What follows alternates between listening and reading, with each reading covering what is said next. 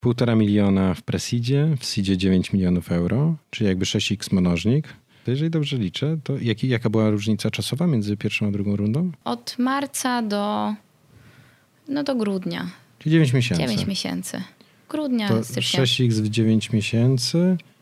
No to załóżmy, żebyście rocznie robili 8x, no to wystarczy tak naprawdę jeszcze dwa lata i będzie unicorn.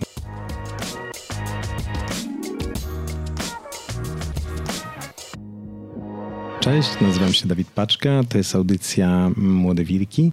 Dzisiaj moim gościem jest e, Wiktoria e, Wójcik, cofounderka InStreamly, bizneswoman roku 2020, laureatka Forbes 25 Under 25, 23-letnia najbardziej rozpoznawalna kobieta polskiego startupu. Cześć Wiki. Boże. Cześć, dziękuję za takie piękne przedstawienie. Nie no, wiesz, twoje jakby osiągnięcia i twoje pasmo e, sukcesów i wyróżnień w ostatnich kilkunastu miesiącach to już taka w nomenklaturze wojskowej by pewnie pozwoliło ci dać belkę generała wśród startuperów, nie? No bo tak naprawdę doceniano cię wszędzie w kluczowych konkursach i różnych e, tego typu plebiscytach, ale nie dzisiaj nie o tym. Ja dzisiaj będę chciał z tobą porozmawiać o samym waszym projekcie mm, InStreamly. Zabraliście już łącznie prawie 6 milionów finansowania. W ostatniej rundzie było to ponad milion euro. Domyślam się, że sporo pitchowałaś w, ostatni, w ostatnim e, czasie i chciałbym teraz, żebyś zrobiła mi elevator pitcha InStreamly. Teraz jest taki moment przełomowy trochę dla nas zmiany perspektywy, jak mówiła InStreamly, więc powiedziałabym, że InStreamly jest ekosystemem produktów, który skupia się na rozwiązywaniu takich kluczowych problemów w branży live streamingowej. Od widzów po małych, dużych, średnich streamerów i profesjonalistów, po marki, które chcą z nim współpracować. Dla każdego z nich mamy produkt, który spełnia ich jakąś potrzebę. Okej, okay, bo pierwotnie byliście po prostu tak naprawdę nie chcę absolutnie temu umniejszać, ale swego rodzaju widgetem, który im streamer implementował sobie na streama i wy tak naprawdę streamowaliście za pomocą tego widgetu materiały promocyjne dostarczone przez waszych partnerów, które, którzy z wami współpracowali. W ten sposób jakby drobny streamer mógł monetyzować swoje małe, zaangażowane community. Value proposition dla marki, która z wami współpracowała, była taka, że w małych community jest większa konwersja na, na promocję danego produktu, a dla streamera, który jest mały i który w życiu by nie był w stanie po prostu podpisać kontraktu na promocję z tego typu brandem, mógł monetyzować dodatkowo swoją twórczość dzięki temu, że wy streamowaliście tą reklamę za pomocą swojego, swojej technologii u kilkuset streamerów na przykład symultanicznie. Tak, tak jest. Nadal jakby InStream jako taki marketplace, który łączy streamerów z markami, które chcą ich zasponsorować, wejść w sponsoring i też dzięki temu pojawić się w ich treściach. To jest taka podstawa naszej działalności, ale po prostu na bazie tego, widząc też, czego potrzebują streamerzy, marki i, i, różni ludzie, którzy z nami współpracowali, zaczęliśmy budować kolejne produkty i jakby rozszerzać tą ofertę. Więc InStream jako narzędzie dla monetyzacji dla małych, średnich, ale tak naprawdę też dużych streamerów, po prostu miejsce, gdzie marki łączą się ze streamerami, nadal jest i nadal jest taką podstawą naszej egzystencji, bym powiedziała. Te nowe produkty, którymi obudowujecie ekosystem InStreamly, co będą ze sobą niosły z punktu widzenia zarówno streamerów, jak i właśnie marek? Jakbyś mogła powiedzieć coś więcej? Już niosą, bo to już to nie jest tak, że to się pojawiło znikąd. Pierwszym takim najbliższym InStreamly narzędziem, dlatego najbliższym, bo łączy je wspólny frontend, znaczy backend i, i tak jakby technologia jest Streamkoi. I Streamkoi to jest narzędzie dla organizacji sportowych albo dla agencji, organizatorów turniejów, wszystkich tych, którzy mają własny zasób streamerów i chcą na tym własnym zasobie streamerów właśnie pokazywać jakiś content w ich streamie, zbierać ich statystyki, ich monetyzować. Analityka. I, nie, przede wszystkim taka podstawowa funkcjonalność jak w InStreamly, czyli zarządzanie treścią wyświetlaną na kilkunastu, kilkuset kanałach jednocześnie. Czyli jak jest organizacja sportowa, załóżmy takie G2 Esports, wypuszczają nową koszulkę, chcą ją sprzedać i na wszystkich kanałach swoich streamerów, a jest ich tam ponad 70, puszczają banner z jest nowa koszulka G2, e, kup się nową koszulkę G2, leci link na czacie i mogą trakować, jak to wszystko performowało, albo robić takie akcje dla sponsorów. E, no i Streamkoi jest narzędziem używanym przez takie topowe organizacje na świecie, e, przez G2 Esports, BIG. To nie jest poniekąd taki troszeczkę bardzo fajny ruch. Jeżeli dobrze to rozumiem, to jakby z white labelowaliście swoją główną funkcjonalność tak. i dostosowaliście ją na potrzeby dużych organizacji, aby oni mogli mieć prywatnie. To znaczy, żeby tak. nie musieli korzystać z waszego głównego narzędzia, tylko aby mogli stworzyć swój mikroekosystem i po prostu jakby działają na zasadzie, domyślam się, licencji albo one-time paymentu, albo po prostu... To jest SaaS. I teraz najciekawsze w tym wszystkim jest to, że ten SaaS nie jest w oderwaniu od tego ekosystemu, bo łączy się jako SaaS-enabled marketplace. Czyli streamerzy z tych organizacji sportowych biorą udział w kampaniach InStreamly. To jest dodatkowe źródło monetyzacji dla streamerów, ale też dla organizacji sportowych. I w drugą stronę to oznacza też dla marek, że mają szansę pokazać się na najlepszych streamach najlepszych graczy na świecie. E, I teraz obecnie około 20% streamerów w e, kampaniach na takich nowych rynkach, na które wchodzimy, właśnie podchodzi od klientów, e, klientów Streamcoin. Jest jeszcze tak, y, jest y, streamerzy.pl. Y, streamerzy.pl tak naprawdę został założony przez Damiana, naszego co-foundera i CTO, już kilka lat temu. Jakby... Nie, bo właśnie moje pytanie byłoby, jakbyś nie powiedziała tego, jak wam się udało kupić domenę dzisiaj streamerzy.pl, ale już jakby... Ale wiesz co, domeny, jakieś wariacje tego międzynarodowe też nam się udało kupić, okay. także jest. Okay. I to jest najpopularniejszy portal na temat polskiego live streamingu ze statystykami, z rankingiem streamerów i tak dalej. No i stwierdziliśmy, że po pierwsze to było takie dobre miejsce kontaktu z widzami, ale też źródło po prostu streamerów na InStreamly, bo oni tam wchodzili, widzieli, że InStreamly jest promowany na tej stronie, zaglądali, przychodzili do InStreamly. Stwierdziliśmy, że czemu by nie zrobić kopiuj, wklej, przetłumacz e, i postawić taki sam serwis na innych rynkach, co zrobiliśmy. Teraz... Bazę danych streamerów stworzyliście po prostu. Nie powiedziałabym, że baza danych, raczej szybciej nazwałabym to rankingiem streamerów, plus takim hubem contentowym dla ludzi, którzy by chcieli zostać streamerami. Taki listing po prostu z, z, rankingiem, gdzie jest pewnie wyznacznikiem jest co? Liczba followersów, liczba wyświetleń? Liczba, można różne są rankingi najlepszych streamerek przez liczbę widzów, liczbę oglądanych godzin i tak dalej. Ale chodzi o to, że to nie jest taka baza danych, gdzie wchodzisz, bo szukasz najlepszego influencera, tylko takie, gdzie fani streamerów mogą wejść i zobaczyć, który streamer jest najlepszy i mogą sprawdzić, czy mój streamer teraz jest pierwszy w rankingu, czy nie. I z jakiegoś powodu to jest Y, dla nich bardzo ciekawe, albo nawet sam fakt, że mamy zakładkę, gdzie są wszyscy polscy streamerzy dostępni i możesz zobaczyć, kto jest teraz na żywo i wejść na ten kanał. Bez podziału na, na kategorie, tak jak zazwyczaj na przykład jest to na Twitchu. Z ciekawości taki serwis ile ma obecnie globalnie unikalnych userów miesięcznie? Y, w streamerze.pl ma 30 tysięcy unikalnych userów miesięcznie. Te 30 tysięcy uzyskaliście organicznie przez SEO, czy promując to innymi e, PPC-kami, czy jakimkolwiek inną płatną, płatną reklamą? Streamerze.pl no jest od 2017 albo nawet wcześniej, więc ono się budowało mocno przez SEO, e, też social media i po prostu nawet samo takie, że community się napędzało, od, odsyłało do tego rankingu. E, I też wypuszczamy taki raport polskiego live streamingu, takie badanie e, darmowe, dostępne na temat widzów streamerów, czego, czego nich są, dlaczego oglądają, dlaczego streamerzy streamują. E, ale dużo to było takie organiczne. Teraz z tą wersją niemiecką, czyli Besten Streamer DE, na pewno będzie trzeba więcej czasu poświęcić i środków, żeby to rozpromować, no bo też wchodzimy trochę na inny rynek niż rynek live streamingu był w 2017. No ale to zobaczymy, jak nam pójdzie.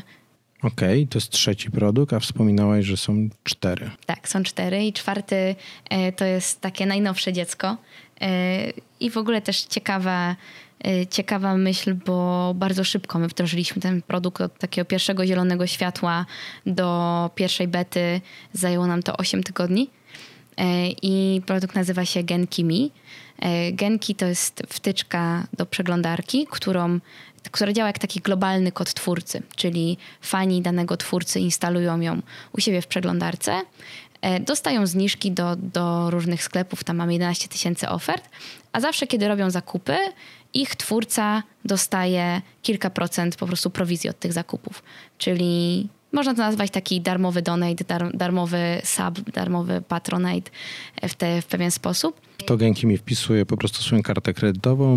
nie, to nie... Jest, no, działa po prostu za darmo w przeglądarce. Czyli wystarczy, że wejdziesz na stronę internetową i my wiemy, że, ta, że ten sklep internetowy bierze udział w naszym programie i wtedy jakby zakup jest rejestrowany. Nie ma tam żadnego podawania karty kredytowej, nawet żadnych specjalnych danych poza e-mailem i, i twoim nikiem, żeby twój ulubiony twórca mógł zobaczyć, że osoba o tym niku go wspiera. Fajnie, że mi wytłumaczyłaś, że obudowujecie się teraz kolejnymi funkcjonalnościami, bo mm, w sumie miałem takie pytanie troszeczkę atakujące. E, zacząłem, sama powiedziałeś, że tak cię miło przedstawiłem, to chciałem się troszeczkę też przyczepić.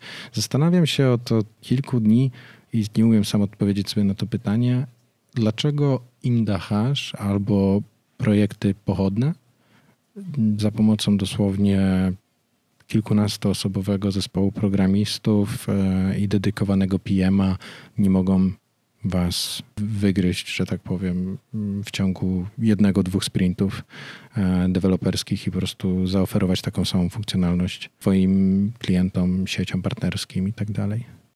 Wiesz, to jest zawsze takie y, pytanie dla każdego startupu, a co jak Google albo Facebook zacznie to robić? Nie, no Indahash to jest troszeczkę bardziej agile organizacja. To jakby to, to, już aż tak nie chciałem uderzać. Wydaje mi się po prostu, że Inda jest waszym konkurentem, który mógłby to zrobić, gdyby o tym pomyślał. Mhm. Y, jest, jest kilka powodów. Znaczy, po pierwsze, że to się wydaje proste do zrobienia, bo sama tam wyświetlanie rzeczy na streamie, proste. Ale nie bez powodu robimy to już na taką pełną parą od, od dwóch lat. E, I, i naprawdę zrobienie tego i też rozwiązanie pomysłów, y, problemów, które wychodzą w trakcie, na które musisz znaleźć odpowiedź, nie jest takie proste. Ale wiadomo, jak się weźmie odpowiednio dużo inżynierów, to, to prędzej czy później można, można urodzić kopię każdego produktu. E, wydaje mi się, że tutaj kwestią jest to, że bardzo wiele takich platform influencerskich, e, bo jest ich sporo, ma w swojej ofercie nawet streamerów. Ale to, na co one się bardzo mocno nastawiają, to jest i to, czego ich klienci przede wszystkim oczekują, to jest lokowanie takie właśnie bardzo influencerskie. Czyli post na social media, post na Twitterze i bardzo często jak te marki nawet współpracują z streamerami, to oni nawet nie trakują, mm, ile osób jest na streamie tylko wszystko odbywa się w social mediach wokół streamu.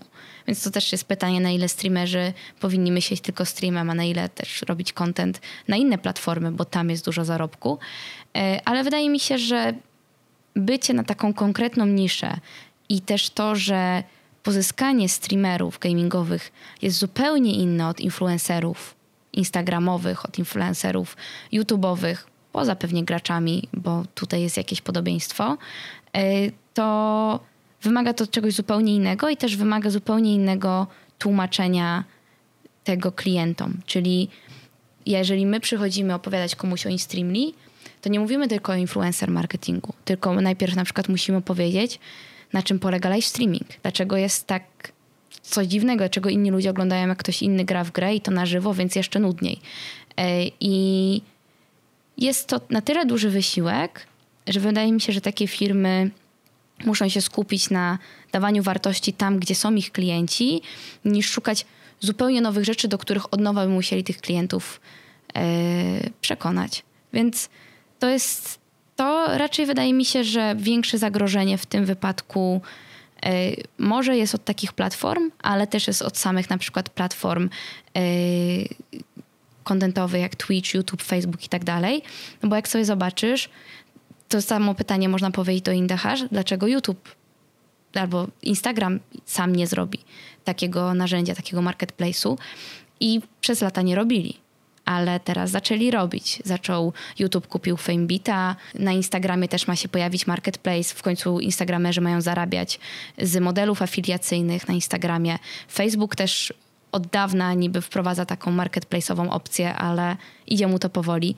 Więc jasne, jest dużo takich zagrożeń. Wydaje mi się, że. Znaczy u Was chyba większym, jeżeli byśmy szukali do tych analogii, o których Ty mówisz, to większym zagrożeniem jest to, że pewnego dnia się budzicie, a Zespół, który odpowiada e, pod panem Bezosem, mówi, że dzisiaj jednak już nie można dawać widgetów, tylko w sumie Twitch sam będzie tym się zajmował, albo mm -hmm. nie chce mieć promowania, reklamowania produktów e, w sposób niekontrolowany. Tak? Czyli takie wiesz, można na YouTubie, gdzie pasmo reklam jest po prostu predefiniowane przez samego YouTube'a, co jeżeli Twitch tak zrobi i nie będzie można to można to porównać, jakby istnieje to ryzyko, ale można je bardzo dobrze porównać do tego, że wyobraź sobie, że YouTube przychodzi do YouTuberów i mówi im: Słuchajcie, od dzisiaj Nie możecie w swoich filmach na przykład mówić, ten film jest sponsorowany przez ten i ten VPN. Nie możecie nic reklamować ze swoich filmach. My... Wiki tak już mówi YouTube. Dużo rzeczy nie można na YouTubie no, reklamować. Dużo rzeczy nie można reklamować jako guideline takiego wiesz, bezpieczeństwa community, ale YouTube nie przyjdzie, nie powie e, twórcom, że nie mogą robić branded content, że nie mogą pokazać żadnej marki, że nie mogą mówić, to jest moja marka koszulek, kupcie ją. Bo też ta granica między tym, co jest w pewnym sensie sponsoringiem, reklamą, się zaciera. I idąc dalej, na przykład w Twitcha, masz Twitcha, który jakby ten sposób sponsoringu, w taki sposób jak my działamy, oprócz tego, że my w ogóle nasza integracja, to jak my się znajdujemy w kontencie, nie dzieje się na etapie Twitcha, dzieje się na etapie tworzenia kontentu, czyli bezpośrednio tam z narzędzia, z którego streamer streamuje. Więc my jesteśmy w treści, zanim ona dotrze na Twitcha. E, to jest to, że wejdziesz sobie na Ninja, wejdziesz sobie na każdego streamera, który jest takim partnerem Twitcha, ich twarzą i tak dalej. I tam i tak będziesz widział logo sponsorów, i tak będziesz widział banner. I teraz wyobraź sobie, że Twitch przychodzi i mówi: Oni mogą robić logo, oni mogą robić banner, ale ci mali streamerzy, dlatego że robią to przez jakąś platformę, bo to jest jedyny sposób, żeby mogli to robić, to nie mogą, bo, bo nie. Albo jeszcze gorzej, przychodzi Twitch i mówi, ci te organizacje sportowe używając tej technologii mogą to robić, ale ci mali streamerzy, od których powinniśmy tak dbać, bo oni są podstawą naszego community, nie mogą. Więc jakby ta cała w ogóle walka o twórców na rynku, no bo Facebook podbiera twórców z Twitcha, YouTube walczy e, i walka o to, żeby mieć te treści jest tak duża i ten taki w ogóle shift myślenia ludzi na danie twórcom większej kontroli nad tym, jak zarabiają, jest tak duży, że trochę sobie nie wyobrażam, żeby Twitch albo jakakolwiek inna platforma miała zabronić twórcom zarabiać.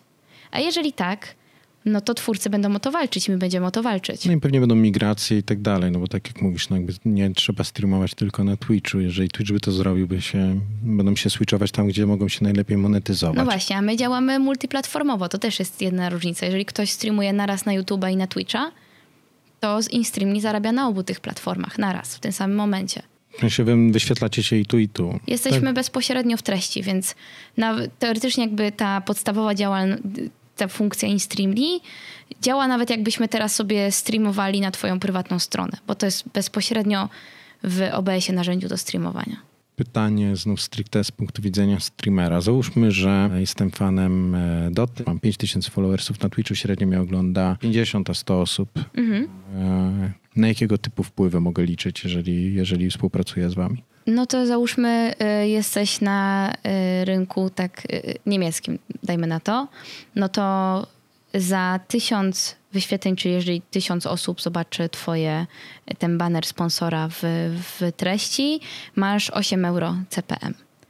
Czyli masz, no załóżmy, jesteś w trzech kampaniach czy, czy czterech kampaniach, streamujesz 5 godzin, no to 5 razy 4, 20 wyświetleń, razy 100 2000 zarobiłeś 16 euro. I wiesz, jak to na przykład porównasz do tego, że w tym samym czasie lecą reklamy Twitcha, no to my płacimy trzykrotnie, prawie czterokrotnie więcej niż płaci Twitch. A możesz wyłączyć wtedy reklamy Twitcha? Nie, i... to jest niezależne od... Czyli od... możesz... ma wtedy dwa razy więcej, znaczy o wiele tak, więcej reklam. Tak. Kwestia jest tego, że reklamy Twitcha gdzieś tam przerywają oglądanie albo blokują cię przed oglądaniem, jak wchodzisz, a my jesteśmy i też jesteśmy malutcy w... Też nie jesteśmy tak naprawdę reklamą, to jest najważniejsze, że jasne, sponsoring jest formą reklamy, ale chodzi o to, że bardzo ważne jest dla nas, żeby streamer i jego widzowie rozumieli, że ta marka wybrała, żeby pracować z tym streamerem i ten streamer wybrał, żeby pracować z tą marką. I że ta marka zamiast pójść do największego streamera, wybrała tego, tego małego.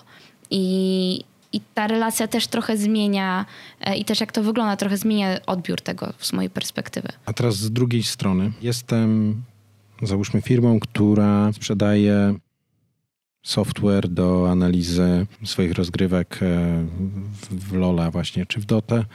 Chciałbym go promować, bo to jest jakiś tam SaaS i chciałbym, żeby widzowie mm, streamerów którejś z tych gier oglądali po prostu i dowiedzieli się o moim produkcie, o tym, że jest takie narzędzie analityczne i że grając nawet part-time, czy tam sobie totalnie amatorsko mogą przeanalizować swoją grę w profesjonalny sposób. Przychodzę do was jakby jak budowana jest kampania, jak wygląda proces budowania kampanii jako, jako marki, która chce się promować przez InStreamly. Mhm. No to po prostu wystarczy do nas napisać maila, e, bo na razie w ten sposób e, operujemy, tak jest najprościej. Tak naprawdę, żeby kampania ruszyła, potrzebna jest wiedza, jaki jest budżet na tą kampanię, czyli ile, ile wyświetleń, jaki jest mniej więcej targetowanie w takim sensie, czy czy chcecie wykluczyć jakieś gry, czy pojawiać się na wszystkich grach, czy tylko na konkretnych grach? Właśnie mnie, najbardziej mnie interesuje poziom złożoności analityki, czyli mhm. jakby jaka jest, jaka jest możliwość uszczegółowienia persony, do której mhm. ja chcę dotrzeć z poziomu, z poziomu klienta, który zleca wam kampanię. Ta persona jakby w pewien sposób można porównać to, w jaki, jaki my działamy do telewizji. Czyli jeżeli chcesz puścić reklamę w telewizji, i ona ma być skierowana do mężczyzn w jakimś tam wieku zainteresowanych tym i tym idziesz raczej do kanału TVN Turbo i puszczasz to na takim kanale o, o godzinie okay, 20. w pierwszym momencie nie zrozumiałem analogii, bo mówię do telewizji, to mi się kojarzy, wiesz, jakby całkowicie nieefektywna reklama i tak, ciągle tak, dostaję ale... reklamę stoperanu, jak mam 12 lat i ją no oglądam no i nie rozumiem wiesz, po co ją i trochę, Znaczy, wiesz, jest, jest targetowanie w telewizji na takiej zasadzie, że, że e, właśnie tematyczne chcesz... po programie. Tematyczne, to po mhm. programie. I u nas to wygląda w podobny sposób, bo na koniec nie i póki co z tego wiem, z telewizja też tego nie potrafi ocenić, kto właśnie siedzi przed telewizorem. I jasne, możesz powiedzieć, że 80, mamy 80% pewności, 80% naszych widzów e, w TVN Turbo będzie miało, mm, będzie mężczyznami w jakimś tam określonym wieku, ale jest szansa, że znajdzie się tam jakiś dziesięciolatek albo jakaś pięciolatka zafascynowana, albo staruszka 80-letnia. I nie można to wpłynąć, bo jesteś w tej treści. I u nas to działa w pewien sposób podobnie, no bo jesteśmy w treści streamera i nie możesz kontrolować jakby Okej, okay, już rozumiem problem. W sensie, że streamer, możecie profilować streamera, czyli na przykład streamer o tematyce takiej tak. i o takim wieku, ale streamerzy na przykład dostarczają wam dane na temat tego, kto ich ogląda? Z, zbieramy teraz dane demograficzne, ale trochę jeszcze czujemy, że musimy je uszczegółowić, usprawnić, żeby to faktycznie miało sens. Bo Twitch dostarcza streamerom jakiego typu? Żadne. Nie można pobrać sobie CSV-ki, żeby wiedzieć. Masz, wie, wiesz tylko ile było osób, jacy są podobni do ciebie streamerzy, jeżeli chodzi o widownię i jakie są kraje tych ludzi. Ale A nie to masz rozwiązaniem na przykład nie byłoby płci. brania demografii z ich fanpage'a? Bo Facebook daje o wiele większe. Facebook daje o wiele większe, to jest jedno z rozwiązań i to robiliśmy. E Drugie rozwiązanie, no mamy tam kilka, kilka na to pomysłów. Jednym jest właśnie Facebook fanpage, no ale nie każdy ma Facebooka, nie każdy ma fanpage i też profil osób, które cię oglądają versus te, które używają Facebooka będzie się rozmywał może nie aż tak w Polsce, ale na przykład w Stanach. Facebook nie byłby dobrym źródłem, no bo większość dzieciaków nie używa Facebooka i miałbyś bardzo yy, być, no, dane w, mhm. w tej kategorii. Ale na koniec jakby trzeba zrobić krok w tył i jeżeli targetujesz jakiekolwiek reklamy w internecie, to zazwyczaj masz grupy wiekowe typu 13, 25, 25, 34. Mhm. No i to 13-25 to jest taka grupa, którą stwierdzasz, mężczyźni 13-25. I to stwierdzasz sobie, ok, mam targetowanie. To jest spoko target, mogę się na to targetować. To jest już do, dobra demografia. I jak sobie popatrzysz teraz na oglądalność live streamingu, co będzie się zmieniało także z wiekiem e, i z czasem, to teraz można byłoby demografię live streamingu określić jako 13, 30, 80% mężczyźni. Więc tak naprawdę gdziekolwiek strzelasz, będziesz gdzieś w tym zakresie pewnej demografii. A też wiadomo, Mówisz że... o globalnej po prostu jakby demografii. Tak, globalnie po prostu, jeżeli wchodzisz, jeżeli mhm. live streaming, bierzesz cały live streaming, ten, ten gamingowy, ten taki, okay. od, odrzućmy Chiny, o to mi chodzi, e, to demografia wygląda w ten sposób. 13, 30, 80% mężczyźni. I wiadomo, że jeżeli weźmiesz Counter-Strike'a i Hearthstone'a, czyli takie gry raczej lubiane przez starszych widzów, to będzie ta górna część tej grupy, a jeżeli włączysz Fortnite'a i Minecrafta, to będzie, będą raczej tam młodsi widzowie. I okay. też w ten sposób pomagamy klientom nawigować w, w tym świecie i targetujemy kampanię, e, ale przede wszystkim chodzi o to, że ktoś chce dotrzeć do graczy, znaleźć się w ich świecie. Więc my też pomagamy w ogóle stworzyć e, kreację, ten, ten, ten artwork, który się pojawia na streamie, żeby on pasował faktycznie do tego świata, żeby nie był taki wyjęty z kontekstu albo Wy żeby nie wyglądał... te kreacje, dobrze zrozumiałem? E, Wiesz co, my jako my nie tworzymy, ale pomagamy wymyślić co i jak. Z, agencją współpracujemy, która, która może je dostarczać, albo też po prostu pomagamy klientowi, jeżeli oni chcą to robić in-house.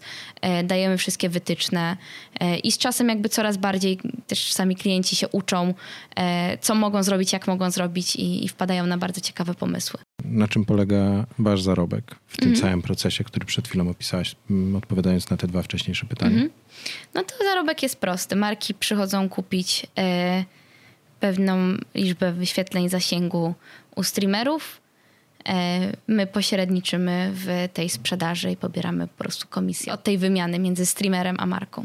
Czyli jakby flow ten, mm, ile jest pieniędzy transferowane jakby do streamerów, partycypujecie w jakimś tam procencie tej kwoty. Jest pro, prowizja od sprzedaży, tak można to nazwać. Ten proces, jak go opisałeś, troszkę mi tak przypomina jakby taką pracę agencji, której zlecasz kampanię na Facebooku. No jednak jesteście spółką typu Grow i jakby zastanawiam się, czy to nie powoduje wam bottlenecków, wąskich gardeł, przez które nie będziecie mogli po jakimś etapie wzrastać, no bo będziecie musieli te kampanie manualnie obsługiwać. Jakby, mm, czy to nie jest problemem? Ostatnio właśnie robiłam sobie takie, liczyłam, e, była śmiała teza, 100 milionów e, euro revenue rocznie.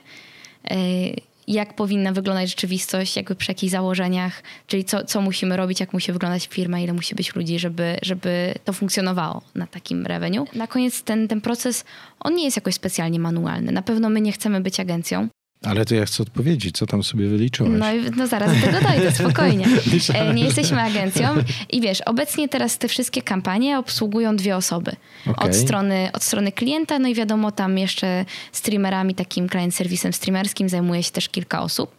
E, I przy jakich założeniach automatyzacji, w którą chcemy o wiele bardziej i głębiej iść, bo dużo wewnętrznie procesów jest teraz mogłabym to nazwać klejone na taśmę w takim sensie, że, że jest wykonywana ręcznie, dlatego że poświęcaliśmy ten czas deweloperski na rozbudowę tych rzeczy dla, dla klientów zewnętrznych. Niestety klient wewnętrzny zawsze, zawsze ma najgorzej.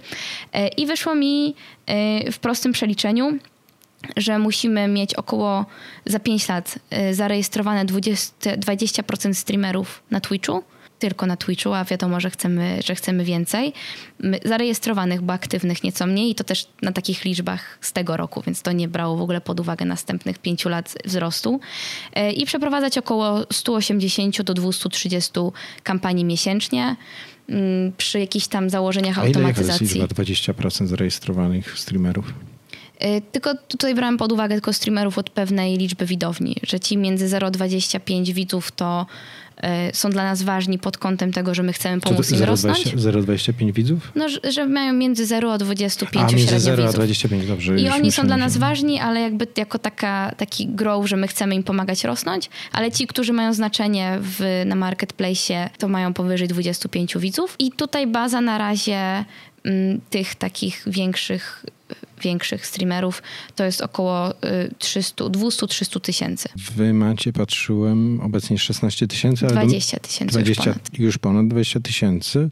Ilokrotnie musicie powiększyć swoje pokry, pokrycie rynku streamerów średnich, nazwijmy ich, na potrzeby tej rozmowy, aby dojść do tego, do tego miejsca, żeby spełnić pierwszy Mhm. warunek, bo drugim warunkiem dość trudnym będzie przeprowadzenie w miesiąc i myślę, że o wiele trudniejszym te mm, Tych 100, kampanii. tych kampanii 160 do 230 E, kampanii. Wiesz co, wydaje mi się, że to jak sobie tak liczę teraz pi razy drzwi, e, to jest około 30-krotnie, 20-krotnie, może trochę, trochę mniej. Mhm. E, I to jest do zrobienia. Sądzę, że to jest, ty- jak Szymon to komentował, to powiedział easy peasy. Easy więc, peasy. więc jak Szymon powiedział, że easy peasy, to ja stwierdziłam, okej, spoko, to ja się nie martwię. I tak samo z, z kampaniami. No i do tego po prostu policzyłam, ile osób obsługuje to teraz, ile osób będzie potrzebne później. E, I, i nie ma tragedii. Ile, ile będzie miała wtedy osób ta firma? No jeszcze nie, nie doliczyłam marketingu i technologii, więc wtedy to już zakładało około 40, y, 30, nie, przepraszam, 20 do 30 osób w client serwisie e, i około 40 osób w takim streamerskim client serwisie, e, plus do tego sales i, i marketing, no i wiadomo, i technologia, produkt, 150 design. osób dziś wyszło, 100, 150, 150 osób. osób gdzieś tak wyjdzie. No to 700 e, tysięcy euro rewe na osobę to byłby wynik podejrzewam wybitny. Czy to było właśnie, bo tutaj, e, no to było 350 tysięcy, no bo jeszcze jakby ja liczyłam na wszystkie nasze produkty, czyli wziąłam 100 milionów, podzieliłam procentowo tak, jakbyśmy no, 350 sobie chcieli. to chyba lepiej niż Microsoft. Że Microsoft pamiętam ma chyba 250 dolarów, ale nie, nie, nie dam sobie uciąć za, tą, za, za to ręki, więc jeżeli e, ktoś ze słuchających wie dokładnie, dokładnie ile przychodu ma Microsoft na jednego pracownika, to napiszcie w komentarzach. I czy biorą pod uwagę liczenie pracowników kontraktowych, bo to też zawsze przy takich wyliczeniach. Aha, że sobie nie liczą, nie liczą B2B, żeby podkręcać, podkręcać przychód. No tak, to jest, to jest słuszne. A ile w tym momencie łącznie jest zaangażowanych osób w projekt InStreamly? 37 około. No to już jest takie bardzo średnie, nie małe, tylko średnie przedsiębiorstwo. Niedługo wyjdziecie z ram MŚP, tylko już będziecie dużym przedsiębiorstwem. Kiedy przekroczycie 50 pracowników? W tym roku, na początku następnego? Przy 37 osobach, e, jaki obecnie macie burn rate? Jak drogie jest prowadzenie InStreamly? Wiesz co, mamy e, burn rate na poziomie między 40 a 60 tysięcy euro. Pewnie będzie on większy w następnych, następnym czasie. Dużo teraz inwestujemy w mm, no po pierwsze zainwestowaliśmy w, w Genki, w nowy produkt, ale też inwestujemy w sprzedaż. Wprowadzanie nowego zupełnie rozwiązania na rynek wiąże się z tym, że musisz najpierw bardzo rynek wyedukować, o co tutaj chodzi i czemu to jest fajne. E, więc mocno inwestujemy w sprzedaż, taki bezpośredni po prostu kontakt z klientem. I to się będzie działo przez najbliższe te trzy kwartały, dwa, trzy kwartały. Agenki poza, nazwijmy to, taką misją trochę społeczną, no bo taki jest chyba aksjomat jakby dla tej inicjatywy, żeby wspierać po prostu tych streamerów tak by zautomatyzowany sposób i ten proces jakoś wspierać, to czy wy poza tym, że umożliwiacie fanom, aby po prostu sobie instalowali tą wtyczkę i wspierali swoich ulubionych streamerów, to dostajecie na przykład jakieś informacje dodatkowe zwrotne, jakieś dane są pobierane, preferencje osoby, która ma zainstalowane, zainstalowaną tą wtyczkę? Czyli nie pobieramy takich danych, y, danych, których nie potrzebujemy. Oczywiście Oczywiście. Bo, nie, nie, bo to... nawet nie, nie można tego robić, Oczywiście. więc tylko to, na jakiej stronie jest osoba, sprawdzamy, żeby, żeby sprawdzić trakowanie tej transakcji. E, więc tutaj raczej model biznesowy Teraz obecnie 100% tego, tej prowizji od sprzedaży dostają twórcy. Stwierdziliśmy, po jakimś że czasie po prostu, po, prostu po jakimś siebie. czasie będzie split, tak jak jest normalnie na platformach. Ma, ile macie już zainstalowanych tych wtyczek? Zainstalowanych, zalogowanych jest ponad tysiąc fanów. To jest dużo, bo to ruszyliście z tym dwa miesiące temu? No, launch był, no tak, dwa miesiące temu. Promujecie to, no, jak dobrze rozumiem, manualnie przez salesów, którzy jakby to... Nie, nie, to jest to promujemy jakby wewnątrz naszego community. Tak też w ten sposób Genki czerpie tą synergię z, z InStreamly czy ze Streamcoin. Na takiej zasadzie, że już mamy streamerów, którzy zarobili dzięki InStreamly e, i my przychodzimy do nich i mówimy, słuchaj, mamy mamy coś nowego, co, co jeszcze będzie fajne też dla Twoich fanów, dla Ciebie, dodatkowe. E, I teraz bardzo mocno skupiamy się na tym, żeby na bazie tych relacji, które zbudowaliśmy ze streamerami, z twórcami, to promować. I oni po prostu wewnętrznie w swoim community mówią, słuchajcie, InStreamy teraz dodało taką funkcjonalność, fajnie byłoby jakbyście zainstalowali tą wtyczkę, tak, bo wtedy tak. z części waszych zakupów internetowych ja otrzymam. Tak, na to e... bardzo liczymy, że, że, będą, że będą w taki sposób to promować. Trochę można porównać to do Patreona, że tam też przede wszystkim y, najważniejsze jest to, jak twórca rozpromuje to wśród swoich no fanów. No tak, no bo masz potem taki przykład właśnie jak y, Krzysztof Gonciarz, który swego czasu no, z Patronite zbierał olbrzymie, olbrzymie pieniądze ze względu na to, że ma bardzo zaangażowanych fanów, którzy po prostu w, tak naprawdę płacili mu subskrypcję za jego daily vloga, no, który tak. był fajne. Co oznacza Genko? Bo. Ten genki? Wasz... Genki, no. Oglądałeś Dragon Balla? Tak, oglądałem. Okej, okay. i znasz Genki Dama, jak wszyscy A, podnosili faktycznie. ręce? No i Genki oznacza energia po japońsku. Aha, okay. I pierwsze w ogóle skojarzenie właśnie wyszło z tej Genki. nie znasz, Dragon Balla, nie, tak, niezłe. I Genki Dama, że wszyscy podnosili razem ręce i, i share your energy, żeby pomóc Goku. No i tam można to porównać do takiego, że, że wszyscy razem instalują, żeby pomóc e, twórcy. Ale druga sprawa, że Genki używa się w japońskim jako takiego energiczny, taki pełen zapału. Jak na przykład mówisz, że y, jak się masz i genki dają, to znaczy, że, że jestem pełen energii, jest mi fajnie. Albo na przykład jeżeli mówisz, że mam genki do gotowania, że masz taki, taką energię, pasję do gotowania. I to się ładnie zgrywało z tą pasją, jaką twórcy mają do tworzenia treści i też takiego tego dzielenia się energią e, fanów, napędzania ich do tworzenia tych treści. A Streamkoi? Streamkoi było na zasadzie mieliśmy zrobić, e, stwierdziliśmy, że jednak musimy rozdzielić InStreamly i Streamkoi, bo Y, InStream jest takim narzędziem dla streamerów, ma taką też bardzo mocną misję tego pomagania im rosnąć. Streamco jest narzędziem Enterprise B2B. Trzymanie tego wszystkiego pod jedną marką byłoby bardzo trudne, bo i tak jest dużo do tłumaczenia, więc stwierdziliśmy, ok, trzeba rozdzielić narzędzie sasowe osobno i jakie nazywamy. I było jakoś mnóstwo, mnóstwo brainstorm e, i Jakub Janaszek, który jakby jest e, CEO Streamcoin w pewnym sensie, powiedział Streamcoin, mi się podoba, nic nie znaczy, Streamcoin i mieliśmy takie okej. Okay. Okej, okay, ale ty, okay, takie fonetyczne i tyle i, i tam k, o, i. C, o, i. C, o, i. Mhm, mhm. Więc można powiedzieć, że koi jako przystań i... Tu mój researcher dał mi taki cytat twojej mamy. Moja mama od dziecka mi powtarzała często ze śmiechem, że ja w korporacji na stołku to nigdy nie wytrzymam i będę musiała mieć własny biznes. Tak, to była prawda. I myślisz, że nie wytrzymasz nigdy w korporacji?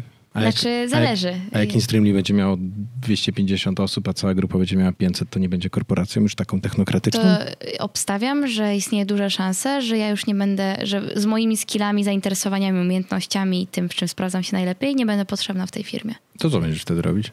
Nie wiem. Mam nadzieję, że opalać się na prywatnej udanym, wyspie z, z, tak, z drinkiem z palemką, a tak serio pewnie, pewnie wiesz, nie wytrzymam za długo i zrobię coś nowego, coś sama. Ale to jeszcze wracając do tej rozmowy o, o Rewe i korespondując do, do tej wizji mm, drinka z palemką, 100 milionów Rewe dość osiągalne założenia, tak, jak, jak, jak tutaj je przedstawiłaś. Przy 100 milionów REWE, jaką byście mieli wam wycenę, ewaluację? Przy dzisiejszych mnożnikach y, możemy wziąć kostkę, euro? wiesz, 40-stronową i rzucać i mówić, taki jest mnożnik, jak REWE padnie. Dwa ale... razy K20, tak? Tak, tak. Mhm. No nie no, stawiam, że co najmniej 10-20-krotnie większy niż, niż ten Czytałem kiedyś taką wypowiedź Macieja, twojego co-foundera, wspólnika, że zderzył się, zderzyliście się, bo on chyba użył liczby mnogiej w trakcie e, pitchowania przy pierwszej rundzie finansowania. E, zderzyliście się z pytaniem, to jest parafraza, ale kontekst był taki, że co zrobicie, żeby stać się jednorożcem? Mhm. Z tego, co rozumiem, jakby wy wiecie w tym momencie, co musicie zrobić, żeby stać się jako InStreamly jednorożcem. Jest to na jakimś celem waszej biznesowej podróży zwanej InStreamly, tak? Cały cały zespół funderów jest na to nastawiony? Chcecie po prostu dążyć do takiej kapitalizacji? Takie myślenie bardzo nam, ono długo ewoluowało, bo jak zaczynasz robić startup i wiesz, robisz coś, niczego masz MVP, idziesz runda finansowania i nagle ktoś ci mówi, że twój biznes jest warty 6 milionów złotych, 10 milionów złotych, ileś, to nagle jesteś zdziwiony, zaczynasz coś robić, to jest taki początek i trochę przez taki taką codzienność. Jasne, że możesz mieć jakąś wizję i w ogóle myśleć o tym, że będziesz jednorożcem, e, ale nie masz takiego głębokiego wewnętrznego przekonania. I mi się wydaje, że ta nasza taka wizja tego, co my chcemy osiągnąć i jak daleko chcemy zajść i jak sobie wyobrażamy InStreamly, bardzo ewoluowała, zwłaszcza w zeszłym roku. Że początkowo mieliśmy taki mindset tego, że po prostu zaczynamy i każde, każdy grosz do grosza, każde małe zwiększenie wyceny miało dla nas duże znaczenie. Uzupełniające pytanie. Mm, jakie było, jaka była wtedy w poprzedniej rundzie wycena? 6 albo 8 milionów złotych? 6 albo 8 W Presidzie. W Presidzie, tak? Czyli tam około półtora miliona euro liczmy. Tak, mhm. tak. Później jak zaczęliśmy już pitchować na tą rundę seedową, zetknęliśmy się najbardziej tak z tym, jak wygląda postrzeganie inwestorów amerykańskich versus inwestorów europejskich. I to jest taka różnica po prostu mentalności. Europejczycy mają tendencję dawać realistyczne plany. Czyli jeżeli idziesz pitchować do, euro, do europejskiego VC, jesteś Europejczykiem, to mówisz, jeżeli mówisz, że zrobicie 100 milionów revenue, to znaczy, że ty to sobie rozkminiłeś i jesteś na 95% pewien, że, że jesteście na dobrej drodze, by to zrobić. A w międzyczasie w Stanach idziesz pitchować, mówisz, będziemy jednorożcem za dwa lata, zrewolucjonizujemy rynek żywności, a tak naprawdę robią torebki na chleb. I tam inwestorzy mają taką mentalność takiego, Ale że... papierowe. Papierowe. No waste, ekologiczne. Tak. Zero waste ro, rozpuszczają się w wodzie. Tak jest. Rozpuszczają się na chlebie. I oni mają takie po prostu, że jeżeli przychodzi founder, piczuje coś, to po prostu dzielisz to przez 5 czy przez 10 i tyle. Więc jeżeli przychodzi founder i mówi, będziemy mieli firmę wartą 10 miliardów, to ty to dzielisz przez 10, będziemy, będą mieli firmę wartą miliard, spoko, możemy inwestować. Więc jak przychodzi Europejczyk i mówi, będziemy mieli firmę wartą miliard, to yy, amerykańscy inwestorzy często słyszą 100 milionów. W pewnym sensie. Tak, ja nie mówię, że chodzi tutaj o liczbowo, ale po prostu taki mindset. Znaczy rozumiem, że więc, to jest bardzo uproszczony tam Tak. I więc my mieliśmy proces, no, no. ten taki duży wysiłek musieliśmy zrobić po raz pierwszy, żeby nazwać tą taką naszą gigantyczną wizję za 5 lat, a to jest naprawdę trudne, jak robisz startup tak naprawdę 6 miesięcy czy 7 miesięcy od zera, od czterech osób, która coś tam robiła pewnym sensie po godzinach do, do firmy i nagle masz mówić o tym, co będzie za 5 lat i jacy gigantyczni będziecie firmą 500 osób i tak dalej. My ten mindset bardzo zmieniliśmy i bardzo dużo teraz jako founderzy o tym myślimy, co my musimy zrobić, jakie rzeczy teraz musimy zaadresować, które będą się razem skalowały z firmą. I jeszcze jedna, tylko ostatnia myśl, bo to jest moja ulubiona w tym wszystkim, że mindset do tego, żeby mieć firmę, która jest warta miliard dolarów jest zupełnie innym mindsetem niż żeby mieć firmę, która będzie miała 100 milionów. Mimo, że po drodze przekraczasz to 100 milionów, to zupełnie inne w ogóle decyzje, zupełnie inne e, możliwości będziesz wybierał, jeżeli myślisz o tym, o tym docelowo o wiele większym celu. I my to bardzo zmieniliśmy na przestrzeni ostatniego 10 miesięcy, bym powiedziała. Półtora miliona w Presidzie, w Seedzie 9 milionów euro, czyli jakby 6x mnożnik. E, Smog zadowolony, Smog Venture, w sensie wasz pierwotny inwestor. Jeżeli dobrze liczę, to jaki, jaka była różnica czasowa między pierwszą a drugą rundą? Od marca do, no do grudnia. Czyli 9 miesięcy. 9 miesięcy. Grudnia, to stycznia. 6x w 9 miesięcy to załóżmy, żebyście rocznie robili 8x, no to wystarczy tak naprawdę jeszcze dwa lata i będzie unicorn. No bo za dwa, nie, dwa lata będziecie mieli, za rok będziecie mieli 72 miliony euro, za mm, dwa lata będziecie mieli wtedy 576 milionów. To tak marzec 2024, jeżeli utrzymacie to tempo wzrostu. To Słuchaj, to ty to policzyłeś, nie ja. Ale wiesz, to jest jakby realne. W sensie zmierzam mm -hmm. do tego, że ktoś, kto tego słucha, wiesz, no mimo wszystko słucha 23-letniej dziewczyny, która mówi, że no zmieniliśmy myślenie, przychodzi do inwestora, mówi, że będziesz miał firmę mającą 10, będzie warta 10 miliardów dolarów, tak? Wiesz, jakby brzmi to abstrakcyjnie, ale jakby prawda jest taka, że w environmencie e, startupowym, szczególnie w ujęciu globalnym, to co mówiliśmy wcześniej, jeszcze zanim zaczęliśmy nagrywać, w Stanach Zjednoczonych e, w Presidzie wyceny się zaczynają od 10 milionów dolarów za prezentację, tak?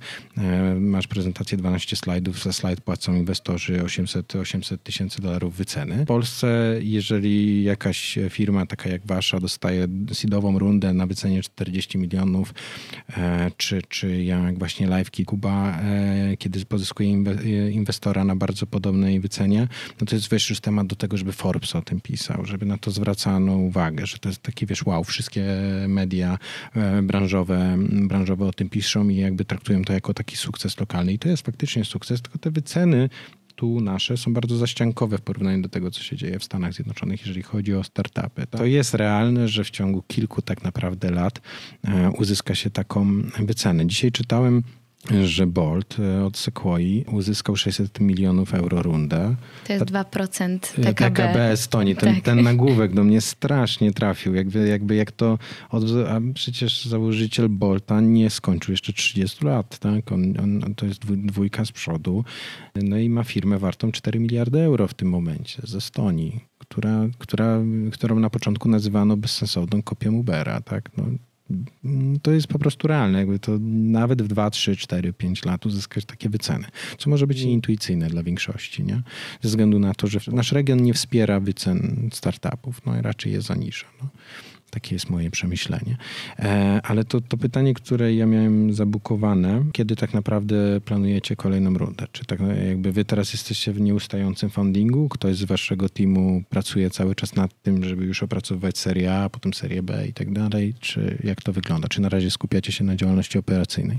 Ja nad tym pracuję. Jesteśmy troszeczkę roz, rozstrzeleni w takim sensie, że chcieliśmy sobie jeszcze przedłużać ten seed, no bo to jest ważne, że my ten seed, no mówisz 9 milionów euro, ale to, to jest na, na convertible note, czyli e, jakby no, nie stawiamy, że będziemy mieli niższą wycenę w następnej rundzie.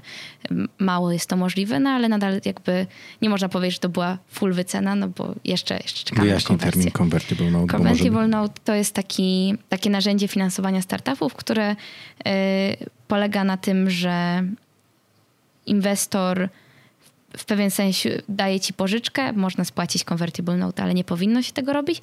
W każdym bądź razie umawia się, że y, daje ci określoną sumę pieniędzy i przy następnej rundzie finansowania, która jest rundą y, equity, czyli w której jest faktycznie jest wymiana udziałów, ten inwestor za te pieniądze, które ci dał, przejmuje udziały po jakiejś wycenie, które ma maksymalny cap, czyli na convertible note, jeżeli umawiamy się, że maksymalne za ile on zapłaci, to zapłaci, że maksymalnie za 9 milionów euro, plus ma jakąś zniżkę, że zainwestował wcześniej. Mhm. E, I to jest taki sposób, żeby e, szybko robić rundę w takim sensie, że nie trzeba robić całej konwersji na udziały, bo to jest czasochłonne prawniczo, tylko po prostu na przykład można zbierać z różnych źródeł albo na długiej przestrzeni czasu i później wszystko skonwertować na raz.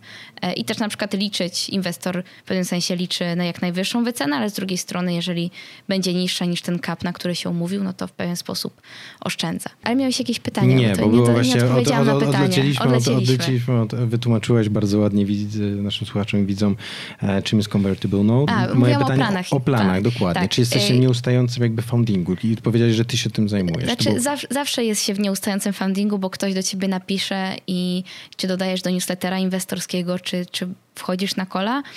Najpierw chcieliśmy teraz dozbierać trochę funduszy na genki po prostu, żeby, żeby mieć jakiś przeznaczony budżet na ten. Teraz nam wychodzi, że mamy runway do końca 2022 roku.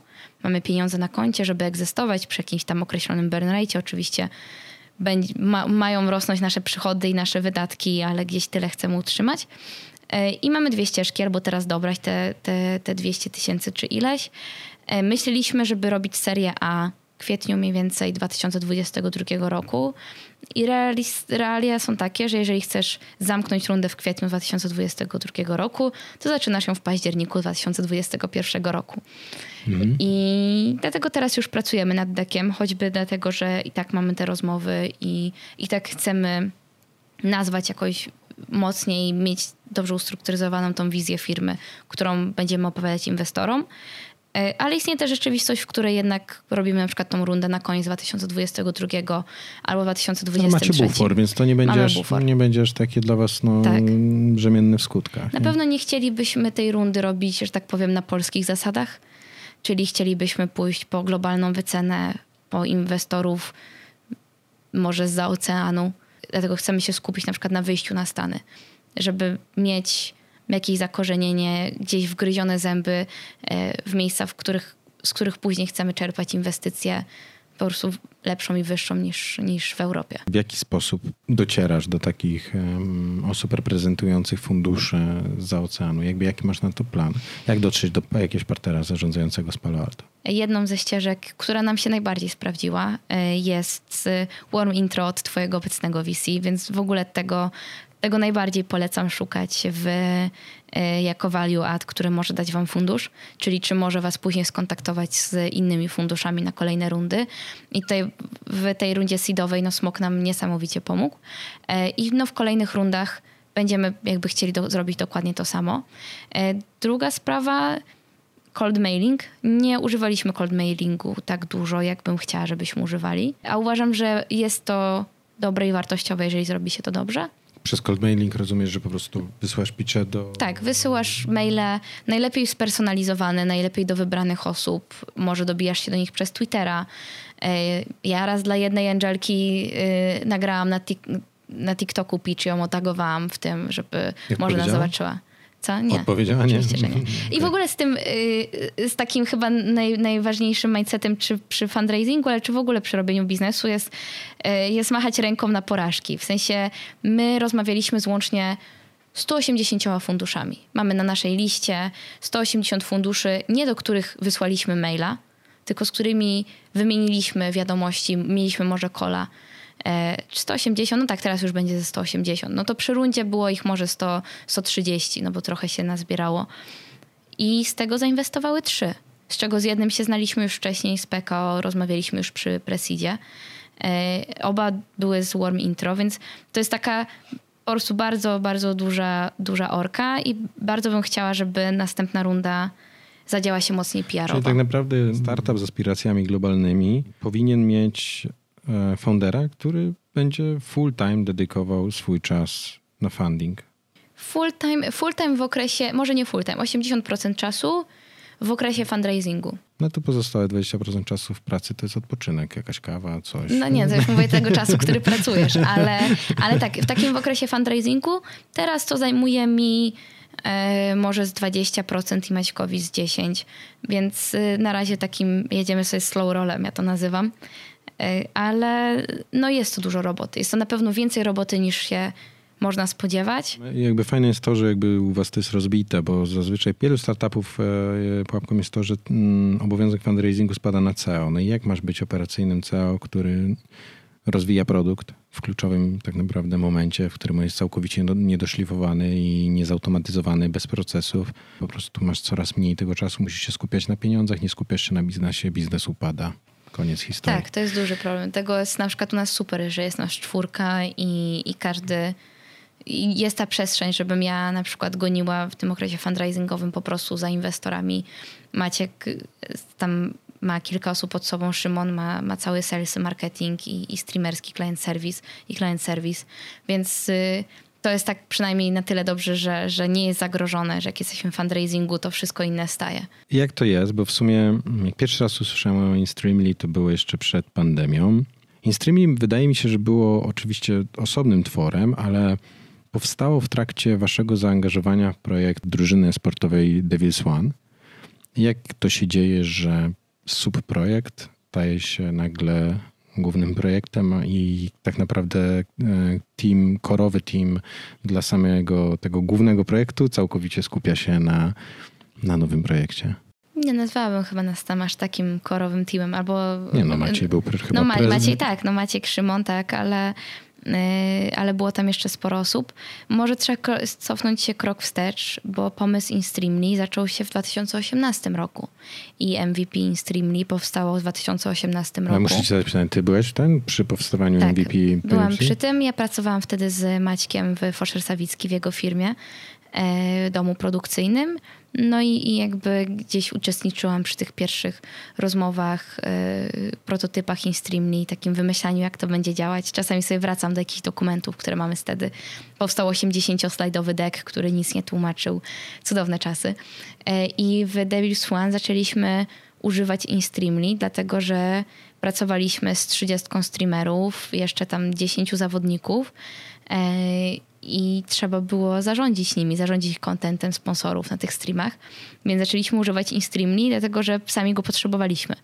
E, I później zaczęły się pojawiać kampanie sponsorskie. Jedno przerodziło się w drugie też w takim sensie, że Davis One wtedy zmieniły się trochę założenia projektu e, i nie było już tam takiej przestrzeni na tak intensywną pracę nad Devil's One, albo przynajmniej w takim składzie, e, więc wtedy zrobiliśmy ten switch na, na InStreamly. Maciek i, i Szymon w pewnym stopniu nadal się angażują w Devil's One, pomagają tam, są w pewnym sensie advisorami i też w drugą stronę Devil's One pomaga nam, no bo kto dostaje wszystkie wersje beta i rzeczy do to przetestowania. Chciałem właśnie powiedzieć, że to są właśnie beta testerzy tak, pewnie, i na, na, czyim, tak? na, czyim koncie pokazujemy pod, potencjalnym klientom stream I jak wygląda e, Streamco w użyciu no, na, na Devil's One, więc... Ale to jest też... ciekawe, bo tak naprawdę to oznacza, że stworzyliście wersję MVP InStreamly, która w rzeczywistości jest tym, co teraz oferujecie w Streamco i tego typu drużynom jak Devil's One wtedy. Tak, tak. W pewnym sensie, no bo naprawdę bardzo, bardzo dużo ta platforma przeszła od tego czasu.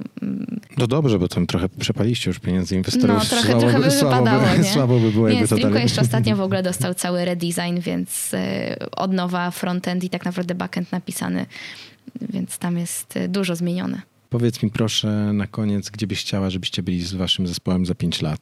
Zabrać cały zespół na wycieczkę na Hawaje za dobry, skończony rok. Za dobry exit? Za dobry exit. A Y, kiedy, jaką, przy jakiej wycenie byś chciała zrobić exit? No za, ten, y, za te 5 lat, no to już policzyliśmy sobie, że, To już będziesz miał wtedy, będziesz, miał, będziesz dekakornem, a nie unikornem. Ja już policzyłem za... że za 4. za- No to za 5 lat, wiesz, już bo trochę ten trwa, trochę ten, ten acquisition, to wiesz. Nie, a tak serio to... y, bardzo trudno jest planować, bo 5 lat temu ja byłam dziewczynką, która przyjeżdżała na studia do Warszawy i zaczynała streamować, bo nikt jej nie przyjął na staż w agencji marketingowej, więc bardzo trudno jest mi prze, przewidywać, co, co będzie za 5 lat. I ja bym na pewno chciała, żebyśmy byli wszyscy bardzo zaskoczeni tym. A streamujesz dalej czasami? Bardzo rzadko. E, Na tyle bardzo rzadko, że ostatni raz streamowałam Więcej Grzechów nie pamiętam, ale ostatnio właśnie odpaliłam streama tydzień temu, więc Okej. ostatni raz tydzień temu e, zaczęłam, Monetyzujesz się na Instagramie? nie, stwierdziłam, że, że chcę, żeby kampanie leciały u, u naszych małych streamerów, które, Okej. którzy tego potrzebują i wszystkim mówiłam, żeby e, zainstalowali genki i wybrali sobie streamera, którego chcą wspierać. No i grałam Final Fantasy i rozmawiałam o, o rynku live streamingu. E, Więc ja bym chciała, żebyśmy byli zaskoczeni. Wydaje mi się, że na pewno ch- chciałabym, marzy mi się, żebyśmy byli globalni, nie tylko w Europie, e, ale właśnie Stany, właśnie Ameryka Południowa, e, Azja, żebyśmy rośli trochę tak szybko, jak rośnie live streaming, tak bym powiedziała. No okej, to ja za to trzymam kciuki. Dziękuję Ci za tą rozmowę i dziękuję wszystkim widzom, że nas wysłuchaliście. No i co? Cześć. Dziękuję Wam bardzo serdecznie. Jeszcze ostatni shameless plug. Zatrudniamy bardzo dużo osób, e, więc zapraszamy każdego, kto ma pasję live streamingu, gamingu albo po prostu do dobrych produktów e, do InStreamly, do nas. Jest co robić, jak sami słyszycie. Myślę, że fajny zespół, także warto się odezwać do Iki tutaj w sprawie, jeżeli jesteście za, zainteresowani.